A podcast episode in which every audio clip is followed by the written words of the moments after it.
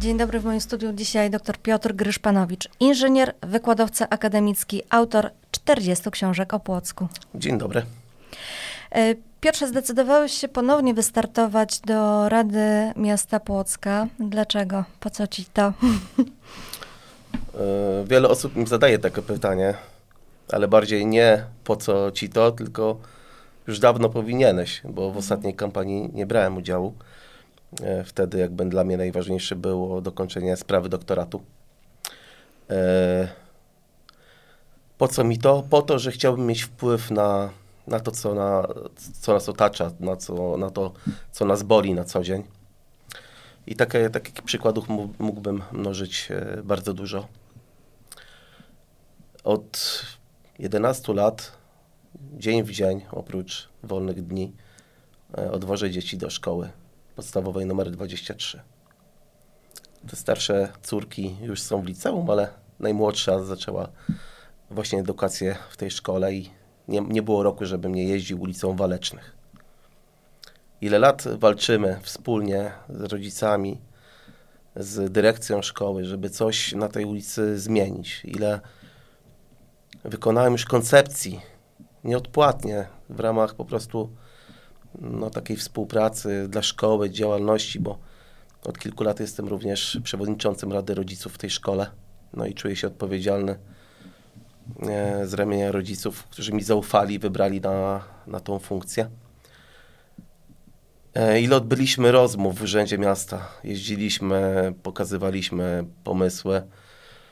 No i bez takiej siły przebicia właśnie, że człowiek jest tym radnym, e, gdzie jednak no, z tym głosem no, władze miasta muszą, powinny e, nieco bardziej się liczyć niż z takim szeregowym podczaninem. No to to jest właśnie ten mój taki podstawowy e, przyczynek. Powiedziałem sobie, że nie, już po prostu tam się nie da funkcjonować, jak tam mieszkają ludzie w okolicznych blokach. No jesteśmy dla siebie intruzami. No jak ktoś przyjeżdża, dojeżdża do szkoły, chce wysadzić dziecko, to są drogi, które pamiętają lata 80., kiedy samochód był towarem deficytowym. Dzisiaj tych pojazdów jest bardzo dużo. I to nawet nie chodzi o to, że ktoś nie mieszka w danym, tuż przy, yy, na tym samym osiedlu, ale musi dojechać, bo za chwilę jedzie do pracy. No nie będzie odprowadzał dziecka, wracał się i tak dalej. Ale mówimy też o takich sprawach, o których powinniśmy teraz odpukać, czyli a coś się będzie działo. Nie wiem, straż pożarna, karetka, coś, oby nigdy. Tam te uliczki są tak zastawione, że naprawdę e, nie chcę walczyć z tymi pojazdami. Chcę po prostu jako drogowiec, jako inżynier, jako projektant przedstawić, czy inaczej wdrożyć koncepcje, które e, kiedyś przedstawialiśmy, a które no, nie zyskały jakby akceptacji. Teraz słyszymy o jakimś pomyśle przebicia, połączenia tej ulicy Walecznych z ulicą Łączniczek. Jedyna enklawa spokojna przed szkołą, gdzie dzieci mogą, jak to dzieci, wybiegają, bawią się, różne rzeczy robią. I od dziesiątek już teraz lat e, ani te dzieci, które chodzą, ani ich rodzice, którzy kiedyś chodzili do tej mhm. szkoły, bo dzisiaj już mamy takie pokolenie, gdzie często właśnie to już e, absolwenci tej szkoły są rodzicami i odprowadzają te dzieci. E, nikt jest nieprzyzwyczajony do takiego rozwiązania. No, inne szkoły może nie pozazdroszczą nam dojazdu, ale tej enklawy, tego, tego takiego terenu przed szkołą bezpiecznego, bezpiecznego mhm. zazdroszczą. Są takie szkoły. Mm jest dużo więcej e, jakby elementów, które widzę, bo z ramienia właśnie Rady Rodziców e, współpracuję z dziećmi z naszej, z naszej szkoły, z samorządem uczniowskim. Mam wrażenie, że e, te osoby z tej grupy wiekowej w ogóle są niezagospodarowane. Ja wiem, że jak ktoś patrzy przez pryzmat, mówimy o wyborach, więc powiem pryzmat wyborów, no to powie, no przecież no nie będę się tam za bardzo interesował dziećmi, no bo przecież i tak nie będą dzisiaj na mnie głosować. Więc te dzieci są troszeczkę no, tak przytłamszone, no bo one są wybierane do tego samorządu, gdzieś tam coś niby chcą zrobić, a tak naprawdę no, żadnego oparcia, żadne, do wszystkie pomysły, które mówią, no to tego się nie da, raczej słyszę, że się nie da. Mm. A ja im mówię, że słuchajcie, no jak nie będziecie nam sygnalizować, nie będziecie walczyć, to nie ma sensu.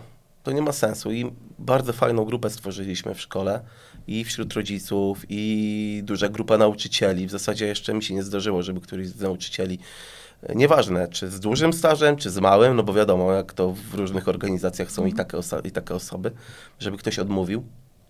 Yy, I tam są różne postulaty. Ogromnym problemem w szkołach jest fonoholizm. No, nie ma przerwy. Ostatnio spędzam sporo czasu w tej szkole, bo robimy różne inicjatywy, staram się pomagać. No dzieci na przerwach, my to pamiętamy, że biegaliśmy. Biegaliśmy, Rozmawialiśmy, graliśmy w rozmawialiśmy, klasy. graliśmy w klasy, e, piłka się pojawiała, b- Mhm. zwracano nam uwagę, że nie wolno, usiądźcie i tak dalej. Dzisiaj prawie nikt nie biega. Dzisiaj wszyscy siedzą pod ścianami albo na, na mm, schodach i wszyscy w telefonach. No my nie dostrzegamy tego problemu w ogóle. I mam wrażenie, że mówimy o tych problemach psychicznych. E, to jest bardzo długi temat, to, to, to byśmy mogli bardzo długo na ten temat rozmawiać, bo z kolei od córek, które są w liceum, bardzo dużo na ten temat wiem, jakie problemy dosięgają ich rówieśników. Ale powróćmy do, do tej szkoły podstawowej, która jest dzisiaj e, jakby mi najbliższa, no bo tam najwięcej takich akcji społecznych e, robię.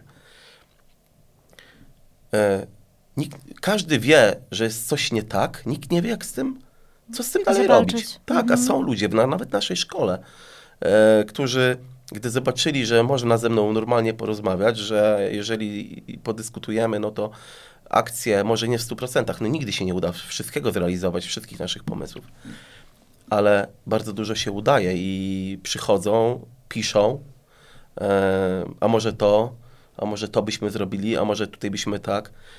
Mm, Chciałbym i będę do tego dążył, jak y, mieszkańcy Płocka wybiorą mnie y, na radnego, y, aby w każdej szkole, w każdej szkole była taka sala, gdzie można się wyszaleć, gdzie można pójść, coś zrobić. Oczywiście tam musi być opieka i tak dalej, bo to nie mogą sobie dzieci same zostać, ale żeby były piłkarzyki, jakieś no, różne zabawy, żeby odciągać te dzieci od, y, bo co one mają Od robić? telefonów. Tak, bo Tak, ale nie masz wrażenia, że to jest e, trochę wina e, też i naszego pokolenia rodziców, bo wygodniej jest dla rodziców dać telefon e, do ręki dzieciaka i powiedzieć, no ogarnij się sam, tak? Zabaw się sam, zajmij się sam sobą. się. A te dzieci zajmują się sobą tak, jak potrafią. To jednak potrzeba takiego y, nadzoru trochę ze strony starszych osób, zachęcenia ich y, do aktywności poza y, cyfrowej, poza telefon, telefonem czy komputerem. Tak, my bardzo dużo robimy. y, W tym roku szczególnie, no w poprzednim, jak się zaczął, mów- mówię tutaj o roku szkolnym. W poprzednich latach stawialiśmy jako Rada Rodziców na jedną, jak się udało pozyskać jakieś granty, dwie duże imprezy. Zazwyczaj fajnie odebrane, no z jakimiś tam zawsze minusami, ale wszystko było super. Natomiast ten dzień minął i później długo, długo nic. E, od września postanowiliśmy to zmienić. Nie robimy ogromnych imprez, takich masowych, z super rzeczami. Może, może pamiętasz, robiliśmy takie imprezy z Lego. Mm, No wiadomo, to, to, to jest towar, który strasznie dużo kosztuje, cała ta otoczka i tak dalej. E, chcieliśmy to zrobić zawsze tak, jak to się mówi, na bogato, żeby dzieci były mega zadowolone, żeby mogły dostać jakiś zestaw, choćby najmniejszy. Ale no przy tych środkach, którymi dysponujemy, no to jest to niemożliwe. Natomiast e, mimo tego, że są te problemy finansowe, chociaż rodzice wpłacają nam z roku na rok coraz więcej. I nie dlatego, że tylko podwyższamy kwoty, bo, bo to nie jest prawda, tylko e, jeżeli chodzi o liczbę osób, które wpłacają, to jest dla mnie taki znak, że widzą, Wasze działania się tak, sprawdzają. że te nasze działania naszej grupy, która za to odpowiada, e, się sprawdzają i są dobrze odbierane. I nieraz mi e, ktoś tam z rodziców w szatni, bo jeszcze chodzę po córkę, bo jest w pierwszej klasie, ktoś mówi, a tobie się chce tutaj gdzieś, człowieku. e, to ja każdemu polecam, bo jeszcze jako rada mamy taki, takie postanowienie, że albo robimy imprezę dla wszystkich, czyli nie, rocznikami nawet, ale wszystkich z danego rocznika, czy całej szkoły, czy, a nie dla poszczególnych klas, bo chcemy, żeby to po prostu dostęp do tych naszych inicjatyw był równy. I czym to się później objawia? Objawia się tym, że potrafi podejść dziecko nieraz. Przecież ja jestem dla nich obcy. Mhm. To musiało trochę czasu minąć, oczywiście, żeby no, no człowiek nie był aż tak y, wyalienowany. Jak już dziecko widzi któryś raz, że ktoś przychodzi, no to jest trochę łatwiej. I ostatnio mi się tak zdarzyło parę razy, jak przychodzi dziecko, mówi dziękuję, bo to są moje pierwsze puzzle. Jak? Tak, Słodko. i no to są, to są takie mm, mm miłe. Miłe bardzo, mm. bo w naszych szkołach podstawowych są różne dzieci, no mm. i z rodzin bardzo bogatych i z biedniejszych. I, biednych, I my oczywiście. nie patrzymy na to, czy dany rodzic wpłacił pieniążki. Mm Staramy się występować o jakieś granty, raz się udaje, raz się nie udaje, no bo żeby móc prowadzić takie imprezy, żeby coś móc dzie dzieciom dać, a dzieci, no jak to dzieci, przecież pamiętamy jak my byliśmy, też chcieliśmy coś zawsze dostać, żeby był fajny na wysokim poziomie konkurs, to muszą być też fajne nagrody. No takim żyjemy świecie, no musimy trochę do tego jakby się odnosić. Jak robiliśmy Lego, to tak samo to była rzesza dzieciaków, które podchodziły i mówiły, że e, to jest ich pierwszy zestaw, albo mówiły, czy kiedyś jeszcze to będzie, bo byłem chory. Mhm. No, to trochę sentymentalnie tutaj to zabrzmiało, ale, ale po prostu tak jest. No to dodaje takiego emocjonalnego kopa, że się chce. I... Poza tym wiesz, jak nam się nie będzie chciało, to kto ma to zrobić? No nikt tego nie zrobi. Przecież my dajemy mówię. też wzór tym dzieciakom, tak? Dlatego mówię, że e, jakby bycie na takiej, pełnienie takiej funkcji, czy bycie w Radzie Rodziców tej, tej szkoły, a to jest szkoła, która ma blisko 800 dzieci. To mhm. jest rzesza naprawdę duża. bardzo duża, e, bardzo dobra przy okazji, bo super wyniki osiągane na egzaminach i tak dalej, dzieciaki nasze w sporcie i tak dalej. Więc jest, to, to świadczy, że jest skład pedagogów, nauczycieli na najwyższym poziomie i, mhm. i jakby my, rodzice, musimy do tego e, no, pod ten wysoki poziom też starać Dorównać. się tak, równać, mhm. więc e, no to są takie momenty, e, akcja z, z mini apteczkami. E, zawsze jest tak, że jest jakiś pomysł, to jakieś osoby mówią, a to wam nie wypali, bo tak, czy to jest sens. Umówmy się. I mówię tutaj Państwu, nigdy w 100% wszyscy nie wpiszą się w naszą mm, koncepcję. koncepcję. Nie wszyscy będą zadowoleni, nie każdy wykorzysta to, co chcemy prze, przedstawić, jako, e, znaczy zgodnie z celem. E, I tak było też również w przypadku mini apteczek. E, jedna z nauczycielek, pani Justyna Woźniak, zaproponowała, która jakby odpowiada za naukę, pierwsze, udzielanie pierwszej pomocy, ćwiczy z dziećmi i tak dalej, no po prostu to jest jej konik, dba o te wszystkie sprawy. Zapytała się, czy moglibyśmy pozyskać środki i takie apteczki ufundować. Będziemy się starać. Udało się te środki znaleźć i nie ma większej satysfakcji, jak widzimy, że poprzypinane one są do plecaków. Tak jak powiedziałem, nie w, w 100%, ale na to nie liczyliśmy.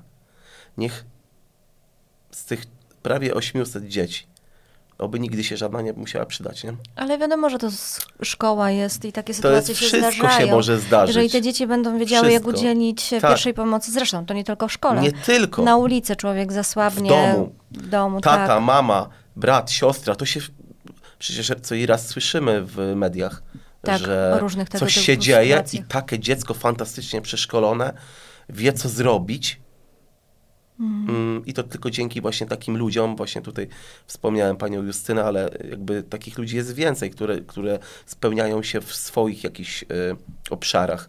Które... Dzieci chłoną wiedzę, więc Bardzo. warto, żeby zamiast e, jakiejś papki z internetu chłonęły tę wiedzę wartościową. Oczywiście, no to jest I coś to trzeba, niesamowitego. I na to trzeba stawiać. Ale wiem, że twoja praca społeczna to nie tylko dzieci. Ja pamiętam taki projekt, który zaproponowałeś to chyba z 10 lat temu podczas e, swojej ówczesnej kampanii wyborczej toru wyścigowego, to mnóstwo ludzi e, ściągnęło.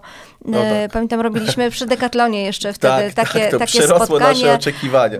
To było coś niesamowitego. Wiem, że aż policja podjechała, co się dzieje w ogóle tak. w tym miejscu. I to był taki projekt, który w pewien sposób nie chcę użyć złego słowa, ale został storpedowany jednak. No, no nie fakt, powstał. Faktem jest, że nie powstał. Tak. Minęło chyba z 10 lat. Y, tego toru nadal w Płocku nie mamy. Mm, ponownie kandydujesz. Jakie teraz masz pomysły na Płock? Teraz jestem 10 lat starszy. Mm, na pewno inwestowałem przez ten czas w siebie. Zrobiłem doktorat, yy, napisałem 40 książek o tak, Płocku. Tak, tak, tak. To, tak, to jest jednak jakiś tam wyczyn i, i jestem na pewno osobą oczytaną. Jeżeli chodzi o historię miasta, problemy, pomysły, bo muszę przyznać, że my mamy ciągle mnóstwo pomysłów i myślimy, że one są pomysłami, a one już dawno temu były pomysłami, tylko że po prostu o nich zapomniano. I powiem tak, yy, odkąd pamiętam, takim ulubionym moim okresem jest dwudziestolecie międzywojenne. Wówczas w Płocku bardzo stawiano na dwie rzeczy – Pierwsze przemysł, rozwój miasta pod kątem, żeby była praca. Nie będę tutaj szczegółów mówił, bo to nie jest audycja historyczna, ale przemysł i drugie turystyka. Żeby ściągać ludzi do Płocka, żeby przyjeżdżali, chcieli tutaj coś oglądać, przyjechali, obejrzeli, coś zrobili, zjedli. I mieli dobre wspomnienia. Jeszcze. Mieli dobre wspomnienia, może wynajęli pokój, y, żeby to się wszystko fajnie tutaj u nas rozwijało. I mam wrażenie, mm, jest wiele przyczyn, ale no obiektywnie, jak patrzymy na liczbę mieszkańców, no to ona z roku na rok maleje. maleje. I to nie tylko dotyczy Płocka, to jakby to nie jest mój atak, broń Boże, tylko musimy robić coś niestandardowego, coś innego niż inni robią, bo przecież inne miasta też nie śpią. Każdy mhm. coś myśli o, o różnych jakichś działaniach, e, aby ściągać tych ludzi bardzo dużo się dzieje na polu naukowym. Przecież yy, Akademia Mazowiecka, no, to co tam yy, robią yy, władze, no naprawdę to jest mistrzostwo świata i mówię to jako wykładowca Politechniki Warszawskiej, która też dotrzymuje kroku, bo nowe kierunki, znowu wznowiliśmy nauczanie na poziomie magistra, z, przepraszam, z inżynierii środowiska. Więc naprawdę, y, może nie wszystkie działania są tak medialne, ale naprawdę ta praca u podstaw jest. I robimy wszystko, żeby jak najwięcej młodzieży chciało w Płocku studiować. A jak zrobimy rozeznanie wśród młodzieży, to naprawdę mamy ogrom przeważający młodzieży napływowej, które gdzieś z okolic przyjeżdża do nas. Płotczanie raczej gdzieś Wyjeżdżają. wyjeżdżają, szukają gdzieś innych miejsc, wrażeń, bo chcą pewnie z dala od rodziców. Pamiętamy też te mhm. czasy. Ja też o czymś takim e, swego czasu myślałem, chociaż studiowałem w Płocku i ukończyłem Politechnikę i jestem z tego bardzo zadowolony. E, przed moimi dziećmi starszymi za chwilę taki będzie wybór stał i zobaczę, jakie będą ich decyzje, ale wiem, że te inne miasta, jak opowiadają tato w Gdańsku, we Wrocławiu, e, no w Warszawie, w, Krakowie, w Poznaniu, Krakowie, tak. tata tam, Mhm. No tata też musi patrzeć na to, czy tatę i mamę stać.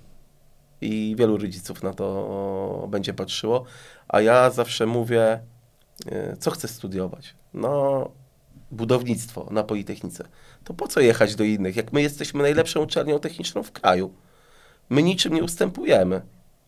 E, mamy teraz kierunek medyczny na Akademii Mazowieckiej. Super. Słyszymy, że ma być jakiś kierunek prawny obiektywnie, ja nie zazdroszczę, ja po prostu przyklaskuję, bo to tylko i wyłącznie działa na plus dla naszego miasta, że tutaj będą chcieli być młodzi, a młodzi napędzają. Młodzi. To jest jedna rzecz. I druga, hmm, powiedziałem o tej turystyce. Po co ktoś ma przyjechać do Płocka? W ostatnich latach mówiłem o tym swoim rozwoju. Byłem na kilku wyjazdach zagranicznych, stażach gdzie spotykałem się z ludźmi z Polski, z innych miast. I część z nich była w Płocku. E, umiałem powiedzieć e, do niedawna Audio River, to chyba najczęściej mi się to zdarzało. ZO. To są takie dwa elementy. Przy okazji wynajęli przewodnika, zobaczyli katedrę i tak dalej. Um, mieliśmy jakieś punkty odniesienia. Natomiast no, Audio River niestety Już nie będzie. Nie ma tak. Tak. Ale żeby nie było tak na minus, musimy szukać nowych atrakcji. I mm, przez przypadek, bo ja nie myślałem o startowaniu jeszcze rok temu, e, jako wykładowca mam możliwość e, być opiekunem dyplomantów. Robimy dyplomy inżyniera, magistra i zaproponowałem, bo dzisiaj studentowi nic nie można narzucić. To student wybiera sobie praktycznie z puli tematów, jaki temat chce, na jaki temat chce pisać pracę. I dałem tor wyścigowy w Płocku, mówię, pewnie się nikt nie zgłosi. To się okazało, że mm, ówczesny student, no dzisiaj już obroniony, e, pan magister inżynier, e, napisał do mnie, tak, napisał do mnie i mówi, i napisał mi takie zdanie, e, panie doktorze, mam nadzieję, że nikt nie był przede mną, bo ja e, o 12 były ogłoszone w nocy, a on do mnie napisał tam 5 po te, te jak to zobaczył, to nie patrzył, kto jest opiekunem, on musi robić ten, ten projekt. Mamy fantastycznych ludzi w Płocku, jeżeli chodzi o ten temat. Yy, już o Budmacie, o ludziach, którzy no, na co dzień się ścigają i wiedzą na ten temat na pewno bardzo dużo, ale mamy pana redaktora Bogdana Wolnego. No to jest Encyklopedia. Encyklopedia to jest człowiek naprawdę i to jest człowiek, który bezinteresownie i wówczas, te 10 lat temu, bo wtedy go poznałem i teraz, e, gdy e, student się zgłosił, no to już nie ma, wybacz, a nie ma żadnych dokumentacji na ten temat, nie ma żadnych wytycznych, nie ma nic, to trzeba iść do fachowców, bo w Polsce toru takiego wzorcowego nie ma. Jest tylko tor w Poznaniu, który jest najlepszy, ale nie, jak fachowcy mówią, nie idealny. Mhm. Mm. No mamy tor Modlin. Tak, ale to, to nie są takie mhm. tory, jakby byśmy chcieli, żeby był w Płocku. I y, Bogdan Wolny, zadzwoniłem, powiedziałem, czy pamięta ten pomysł. Mówi, powiedział do mnie, pamiętam, słuchaj, dajesz mi pół godziny, daję ci najlepszych ludzi w Polsce. No i tak było. Dał kontakty do, do ludzi z Polskiego Związku Motorowego, no, do najróżniejszych sędziów. Mm, ja przekazałem studentowi, no bo student to jest jego praca. Mhm. Ja wspomagam, więc ja sobie tej pracy nie przypisuję. To nie jest moja praca, ja pomagałem. I on wy, mm, wykonał tytaniczną pracę. Tytaniczną pracę. Pomagali, pomagałem przy analizie, gdzie ewentualnie taki tor mógłby być. Bo on, zależało nam bardzo na tym, żeby w ogóle y, przeanalizować, jaka jest, jaki obszar, jaka powierzchnia jest potrzebna na budowę takiego toru z prawdziwego zdarzenia. E, bo można dużo mówić. No, jestem inżynierem, więc jeszcze projektantem, więc no jakby mnie okrągłe słowa za bardzo nie interesują. Mnie interesuje konkret. Konkret. konkret. Mhm. Czyli tyle czy tyle. Yy, więc yy, szybka analiza, yy, gdzie są plany miejscowe, gdzie nie ma planów, gdzie jest studium, gdzie studium pozwala na realizację takich, a nie innych obiektów. Było to też bardzo ważne z innego powodu, bo od początku przy, przyświecała nam myśl, aby tak wydawało mi się fajny projekt, był zgłoszony do konkursu, który ogłaszany jest już od lat przez prezydenta miasta, e, dyplom dla Płocka. I Czyli no, projekt musiał być realny. Realny, mhm. musiał być w Płocku mhm. e, i tam naprawdę grupa ludzi sprawdza, e, bo się przez szereg lat e, spotykałem z uwagami różnymi do, do projektów moich kolegów no nie wiem, że działka nie jest urzędu, gdzieś tam coś nie wpisuje się w y, jakiś tam program i tak dalej, i tak dalej. Zresztą miałem styczność podczas mojej pracy w zarządzie dróg. Też jako wówczas jako urzędnik oceniałem jeden z projektów. Więc wiedziałem na czym to, na czym to polega i zwracałem uwagę swojemu studentowi ówczesnemu, na co musimy uważać, żeby ten projekt był realny. I moja jedyna prośba była na koniec taka, żeby fachowiec z najwyższej półki napisał jako fachowiec, bo ja technicznie oczywiście tak, ale jeżeli napisze nam na piśmie opinię człowiek, który odbiera takie tory, który na co dzień analizuje różne zagrożenia i tak dalej na torze, no to dla mnie to będzie pewnik, to z tym się nie dyskutuje. Mhm. I ten student takie oświadczenie uzyskał. I ono było na końcu dyplomu jako, e, już nie pamiętam w tej chwili, nie chcę wymyślać słów, bo już troszeczkę czasu minęło, ale było jakieś stwierdzenie, że to byłby najlepszy tor w Polsce. Że nie ma takiego. Idealne, wszystko się wpisuje. Tak mój student to dopracował. I e, jak się dowiedział o tym e, Bogdan Wolny, no to zweryfikował nas. Odezwał się do tych ludzi, nawet zaprosił nas na rozmowę i mówi, panowie, zróbmy wszystko, wszystko, żeby taki tor powstał, bo wy sobie nie zdajecie sprawy, jak daje taki obiekt drugie życie miastu. Miastu. To nie jest stadion, chociaż jestem kibicem Wisły, i, ale wiemy, że no, na stadionie spotykamy się My sobie tam nie pogramy, to trzeba My nie y, pogramy, powiedzieć tak, wprost. ale- Natomiast na torze wyścigowym tor pewnie... wyścigowy, codziennie żyje. Tam, tak. tam po prostu, żeby była też y, nauka, nie nauka jazdy w sensie takiej podstawowej. Bezpiecznej jazdy. Bezpiecznej jazdy. Właśnie różne, żeby Tak, ja miałam okazję być na torze Modlin właśnie na Tak. takim szkoleniu i powiem rewelacja po prostu, bo tam uczymy się jazdy po torze śliskim, mokrym, tak, dokładnie. gdzie tu zupełnie jest inna przyczepność. Możemy wcisnąć gaz do dechy i I pojechać... się nie obawiać co się, i zobaczyć, Tak, co nas by i spotkało na drodze. e, Tak. zrobić skręt w prawo czy w lewo e, przy takiej prędkości. To są zupełnie inne umiejętności, jakich nabywamy, jeszcze pod okiem doświadczonych e, instruktorów, niż, mm, niż w takiej normalnej. jest- Wiadomo, ym, nauka jazdy, y, ta podstawowa, umówmy się, nie uczy nas jeździć y, po drodze, tylko uczy nas, jak zdać. Tak, jak egzamin. zdać egzamin, a później się uczymy przez całe życie, a im jesteśmy starsi, tym pewne funkcje nam y, y, no, zaczynają szwankować i znowu zaczynamy być jakimś zagrożeniem. Najpierw jako niedoświadczeni kierowcy, a później jakby no... y, no bo Znaczy za ten projekt y, toru y, ja bezwarunkowo trzymam kciuki, bo już trzymałam ja 10 również, lat Ja temu. również i Także- uważam, że, że naprawdę on by strasznie ożywił miasto. Tutaj zaczęłyby przyjeżdżać setki, tysiące osób, które musiałyby mieć gdzie się przespać, które musiałyby mieć gdzie zjeść. Yy, Naprawdę, yy, to nie jest yy, obiekt, który sobie żyje raz na miesiąc. Tak, E, dokładnie. tylko różnego rodzaju sport. Ja nawet nie umiem, jak mi student zaczął wymieniać, jakie to mogą być klasy. Nie jestem w- tutaj jakby e, takim, aż takim fanem, żeby wszystkie te klasy umieć wymienić. E, bo jakby tor wyścigowy to nam się kojarzy tylko z Formułą 1, prawda? Jeszcze jak był, jeździł, ścigał się, jeszcze się ściga Kubica, no to, to po prostu każdy był fanem i F1 oglądał i się oglądało w nocy i tak dalej. Ale tych osób kochających ten sport i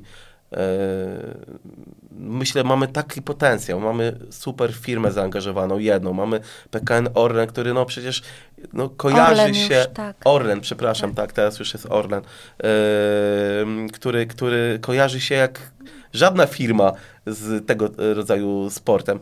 No naprawdę Myślę, myślę, że przy, takim, przy takiej inwestycji z pewnością też zaangażowałby się e, w budowę toru wyścigowego w swoim mateczniku. No bo Tak, jest, oczywiście. Ja, ja jej powiem coś teraz, e, żeby to nie, nie było, że mm, nie ma na to szans, czy, czy coś takiego, że o, jest coś tam, a wykonalne. Bo ten projekt znalazł się ostatecznie w puli zgłoszonych projektów przez Politechnikę Warszawską. I e, no, ogromnie jesteśmy szczęśliwi, że uzyskał pierwszą nagrodę pana prezydenta, później chyba następnej, drugiej, chyba czy trzeciej nie było, także on był e, super e, oceniony. No, e, byłem pod naprawdę wielkim wrażeniem. To oznacza to, że jak, jakiegoś mm, my żyjemy w takim trochę przeświadczeniu, że gdzieś tam, a to nie nasi, to blokada specjalnie. Tak na to nie patrzę. Właśnie wręcz przeciwnie, odwrotnie, że jest coś ciekawego, będę radnym, to będę za tym lobbował, będę przekonywał technicznie jako człowiek, który się na tym zna. Yy, mi ktoś przypadkowy nie zacznie yy, wymyślać, że się nie da z takiej czy z innej, bo będzie musiał do mnie podejść merytorycznie. Mhm. Będzie musiał mnie przekonać argumentami, a nie nie, bo nie. Więc yy, bardzo się cieszę. Myślę, że jest jakaś forma zielonego światła również yy, gdzieś w urzędzie wśród tych komórek, które oceniały. Nie wiem, kto był to konkretnie, e, ale mam nadzieję, że tym drugim krokiem, ten drugi krok uda mi się zrobić jak No jak będę radnym, mam nadzieję i gorąco w to wierzę. No wtedy na pewno będzie y, głos silny, który za tym rozwiązaniem będzie, za tą inwestycją będzie lobbował. Y, niewątpliwie takie ożywienie w naszym mieście by się przydało. Wspomniałeś też o tym, jak byłeś dyrektorem Miejskiego Zarządu Dróg. Ja pamiętam, że to właśnie za Twoich czasów w Płocku powstały sekundniki, które nam teraz ułatwiają życie, czy też pierwsze rondo turbinowe w Płocku na o, tak. ulicy tak. Dobrzy, Dobrzyńskiej. Powiedz, jak po tych latach oceniasz obecnie układ komunikacyjny Płocka? Może co byś w nim zmienił? Troszkę się zmienił. Troszkę się zmienił i jakby e, nie oceniam. W ogóle nie mam. Mm, nie chcę prowadzić kampanii negatywnej. Nie interesuje mnie coś takiego, Nie, nie żeby... negujemy tego, tak, że nic nie, nie. nie, zostało zrobione, nie, bo absolutnie nie, o to tak, chodzi. Tak. Ja, ja, ja jakby chcę mówić, poprawić. Zmienił, ja bym tak. chciał zmieniać, poprawiać Płock, gdzieś te elementy, na których się znam. W ogóle uważam, że e, radnych jest e, na tyle dużo, że z każdej dziedziny życia ktoś powinien się znaleźć. Taki, który... Należy wybrać specjalistów. Specjalistów. Mhm. Ktoś jest fantastyczny w jakimś swoim obszarze, powinien właśnie być, bo jak będziemy mieli, nie wiem, 25 przedstawicieli, jednego wiem, zawodu, nauczycieli, no to nauczyciele na pewno będą mieli super, ale pozostali, yy, no nie wiadomo, mhm. bo będą musieli ufać komuś, no ciężko powiedzieć. Yy, nie przypominam sobie, a może nie chcę kogoś krzywdzić, czy w ostatnich latach jakiś inżynier budownictwa był wśród radnych, nie wiem, bo nie analizowałem yy, życiorysów, mhm. tak, ale myślę, że by się niewątpliwie przydał. Przy tych inwestycjach, które są prowadzone, taki głos... Mm, fachowca, który y, merytorycznie jest merytorycznie, ocenić. Tak, a nie tylko jesteśmy skazani na to, y, co przedstawią nam tacy czy inni urzędnicy, bo y, tu nie chodzi o jakieś przepychanki, tylko chodzi o to, żeby merytorycznie zadać pytanie, żeby wysłuchać, czy to, co słyszymy, jest faktycznie prawdą, czy mm. jakimś lawirowaniem. O to mi chodzi. Natomiast jeżeli powracając do tego pytania, układ drogowy.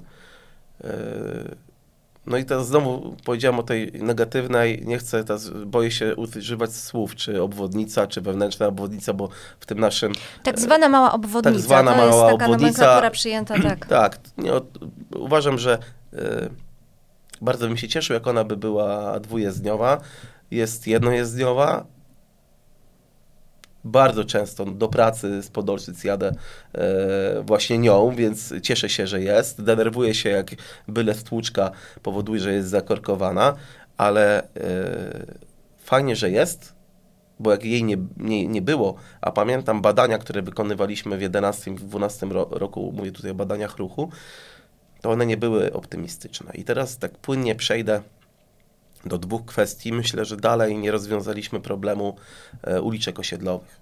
Myślę, że to jest e, największym problemem. E, powiedziałem na przykładzie na początku naszej rozmowy o ulicy Walecznych i ale to jest jeden z wielu przykładów. Tak, takich, mamy wielką płytę, gdzie to wiele jest takich jest bardzo przykładów podstawowy i, problem. i pewnych rozwiązań, które naprawdę no, rzucają się w oczy, można by było. Mhm.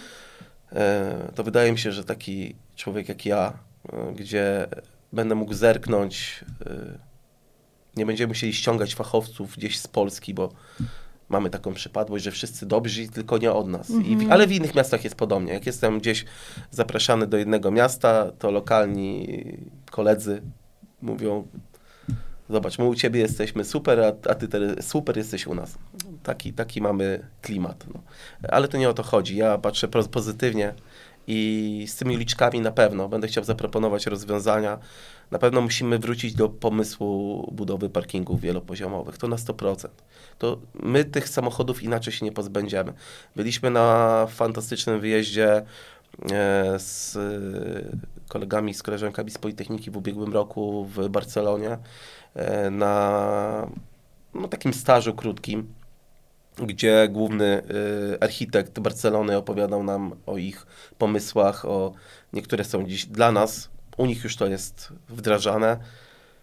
No dzisiaj chyba u nas jest, jeszcze nie, do tego nie dorośliśmy, ale ich klimat do tego zmusił. Y, samochody są w jakiś sposób usuwane, ale nie tak, że sprzedaj i teraz masz problem, tylko właśnie coś zastępczego. No, nie masz tutaj możliwości zaparkowania, ale obok jest darmowy, darmowy parking wielopoziomowy, gdzie spokojnie możesz zostawić auto, bo może nie będziesz korzystał z niego przez dłuższy czas. A przecież no, mamy pod blokami naszymi wiele takich aut, gdzie no, stoją te samochody mhm. przez tydzień, ktoś nagle po tygodniu może pojedzie, może nie.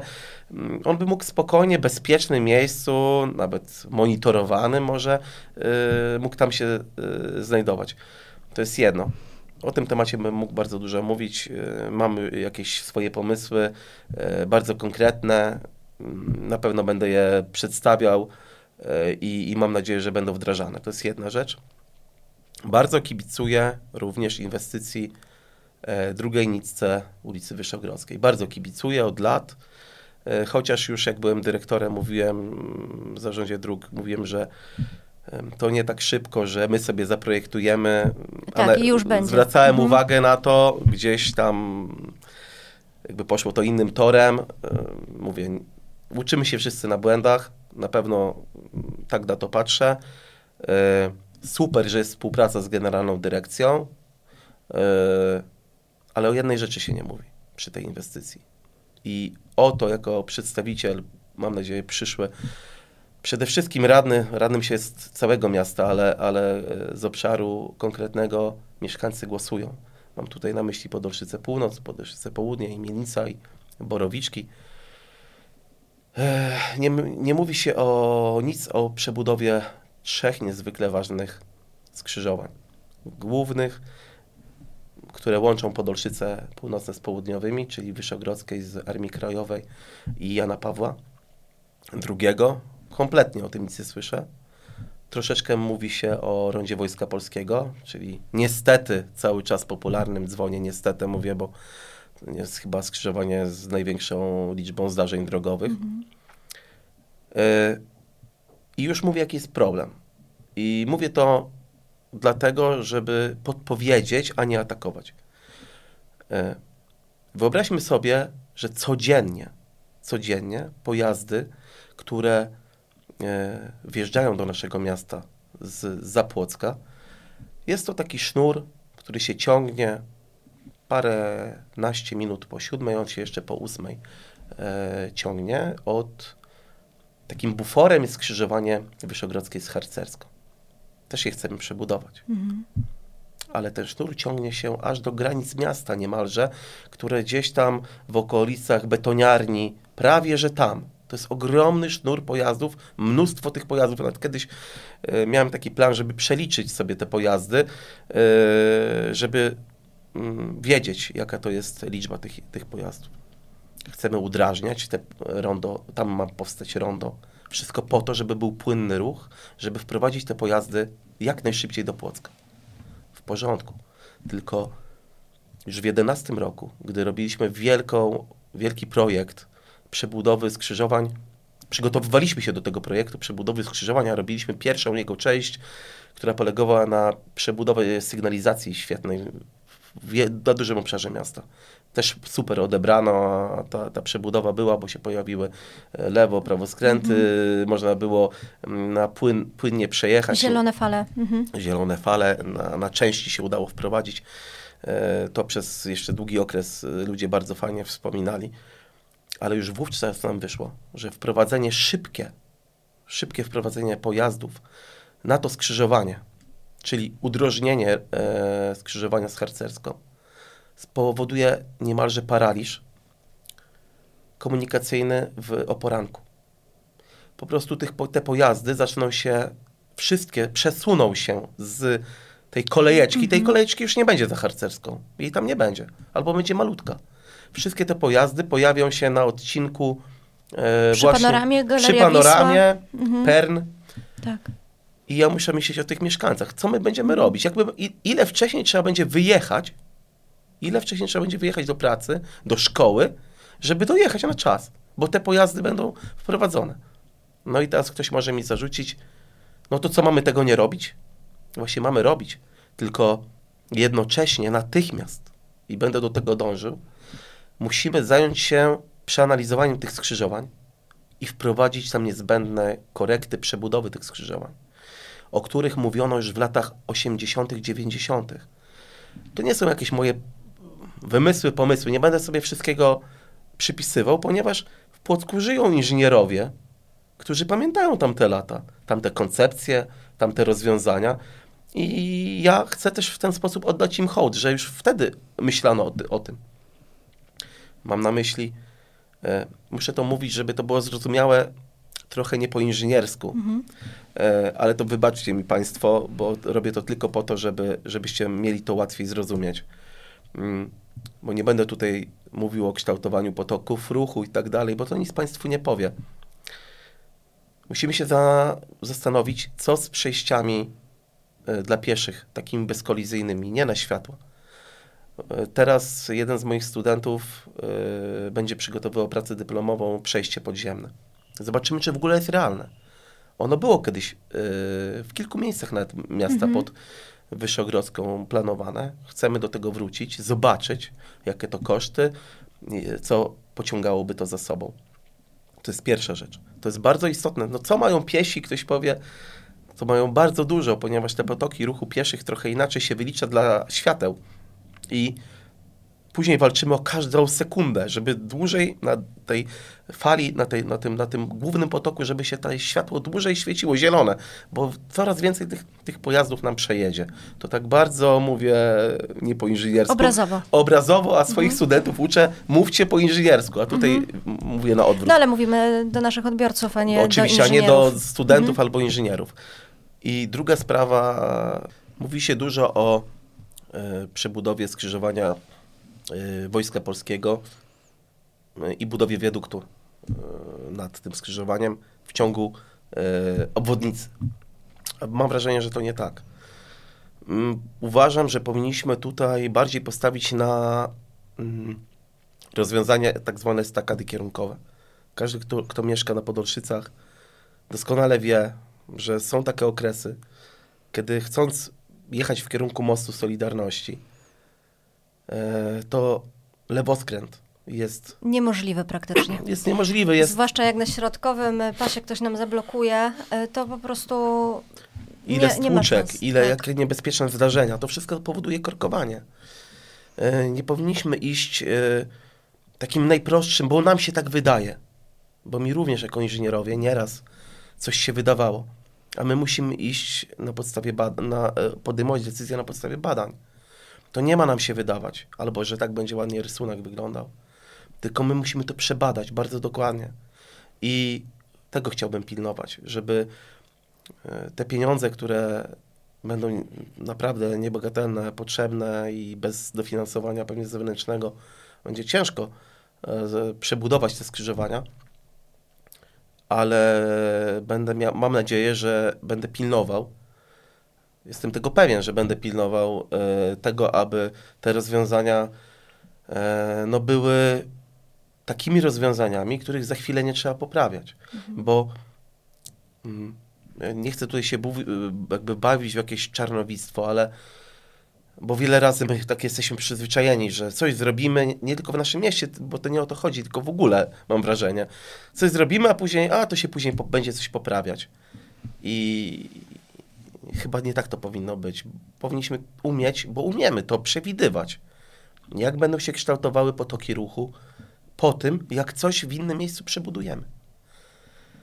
No to tak Czyli pokrótce. Nie tylko, nie tylko to miejsce, którego dotyczy inwestycja, ale i co, jakie będzie to miało konsekwencje, bo to jest tak. troszeczkę jak fala. Jak wrzucimy kamyk, to fala się dalej poniesie, Dalej prawda? poniesie i Więc... po prostu mam wrażenie, że będzie tak. Spotkamy się za, czy my, czy z kimś innym, y, jakaś kolejna kampania i y, z plusem będzie udało nam się wybudować E, drugą jezdnię ulicy Wyszogrodzkiej. O co walczymy? A przebudowa, bo teraz się okazało, to nie tak, mhm. bo mm, pomożemy osobom, które mieszkają, nie wiem, które chcą przejechać po które chcą przejechać gdzieś tam, albo, albo mówię, tak. o, nawet wró wróćmy do Wyszogrodzkiej, będą gdzieś jechały od strony Warszawy, pomożemy. Yy, mówię o, o, poranku, bo druga jezdnia też nam yy, ułatwi w drugą stronę po południu, wyjazd z miasta. Mhm. Ale rano nam ona zablokuje. e, ruch, czy spowolni ruch. I no to jest bardzo proste, to jest, myślę, że każdy, myślę, że to dosyć obrazowo e, opisałem i, i sobie będzie umiał to wyobrazić, że te pojazdy nagle się znajdą e, w miejscu... W innym miejscu tej samej ulicy Tak, tam, tam gdzie było do tej pory puściej, nie pusto, mhm. puściej.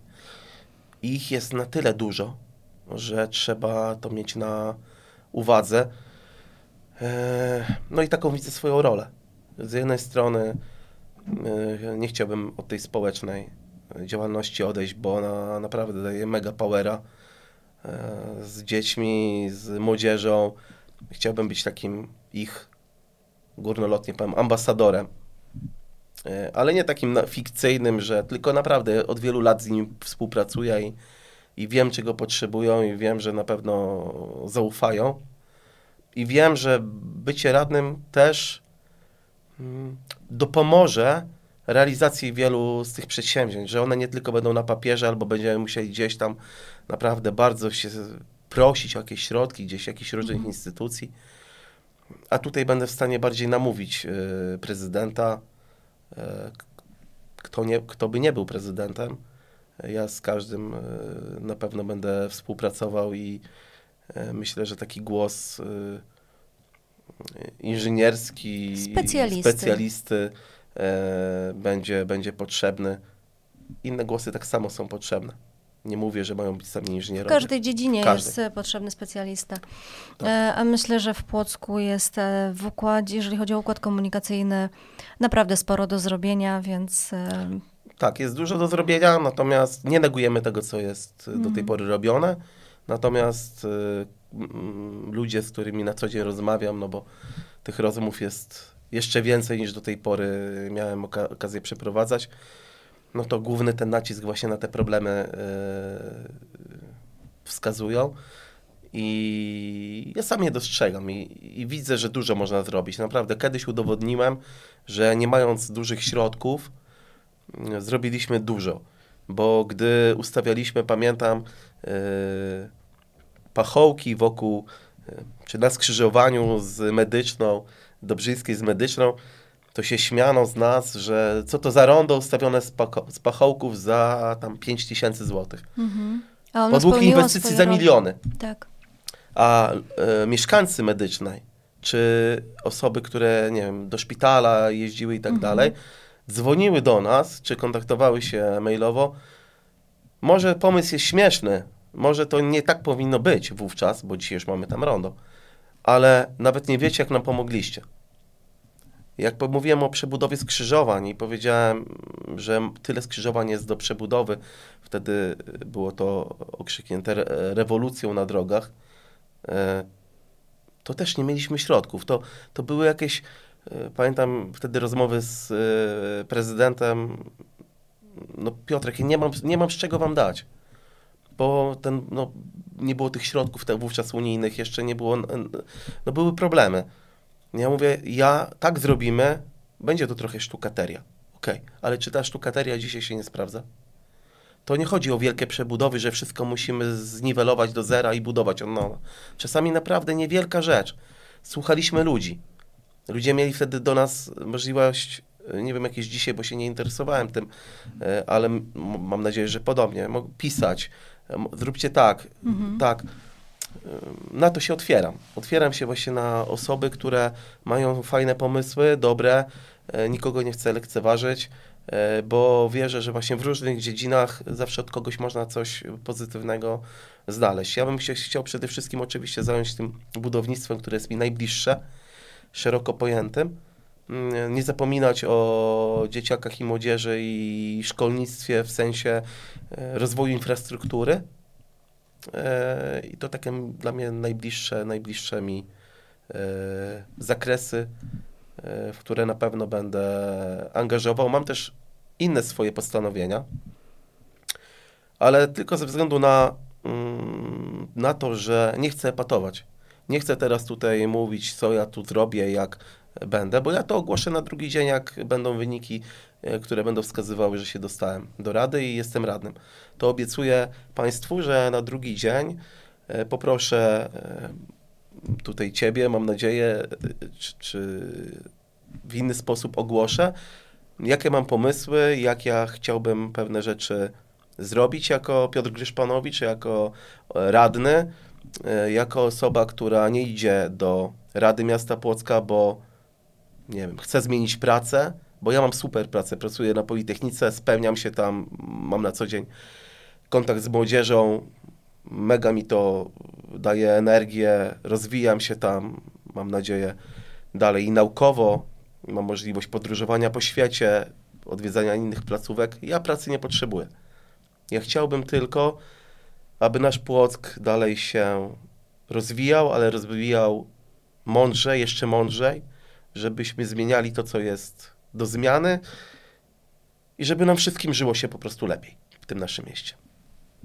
Świetne, optymistyczne podsumowanie.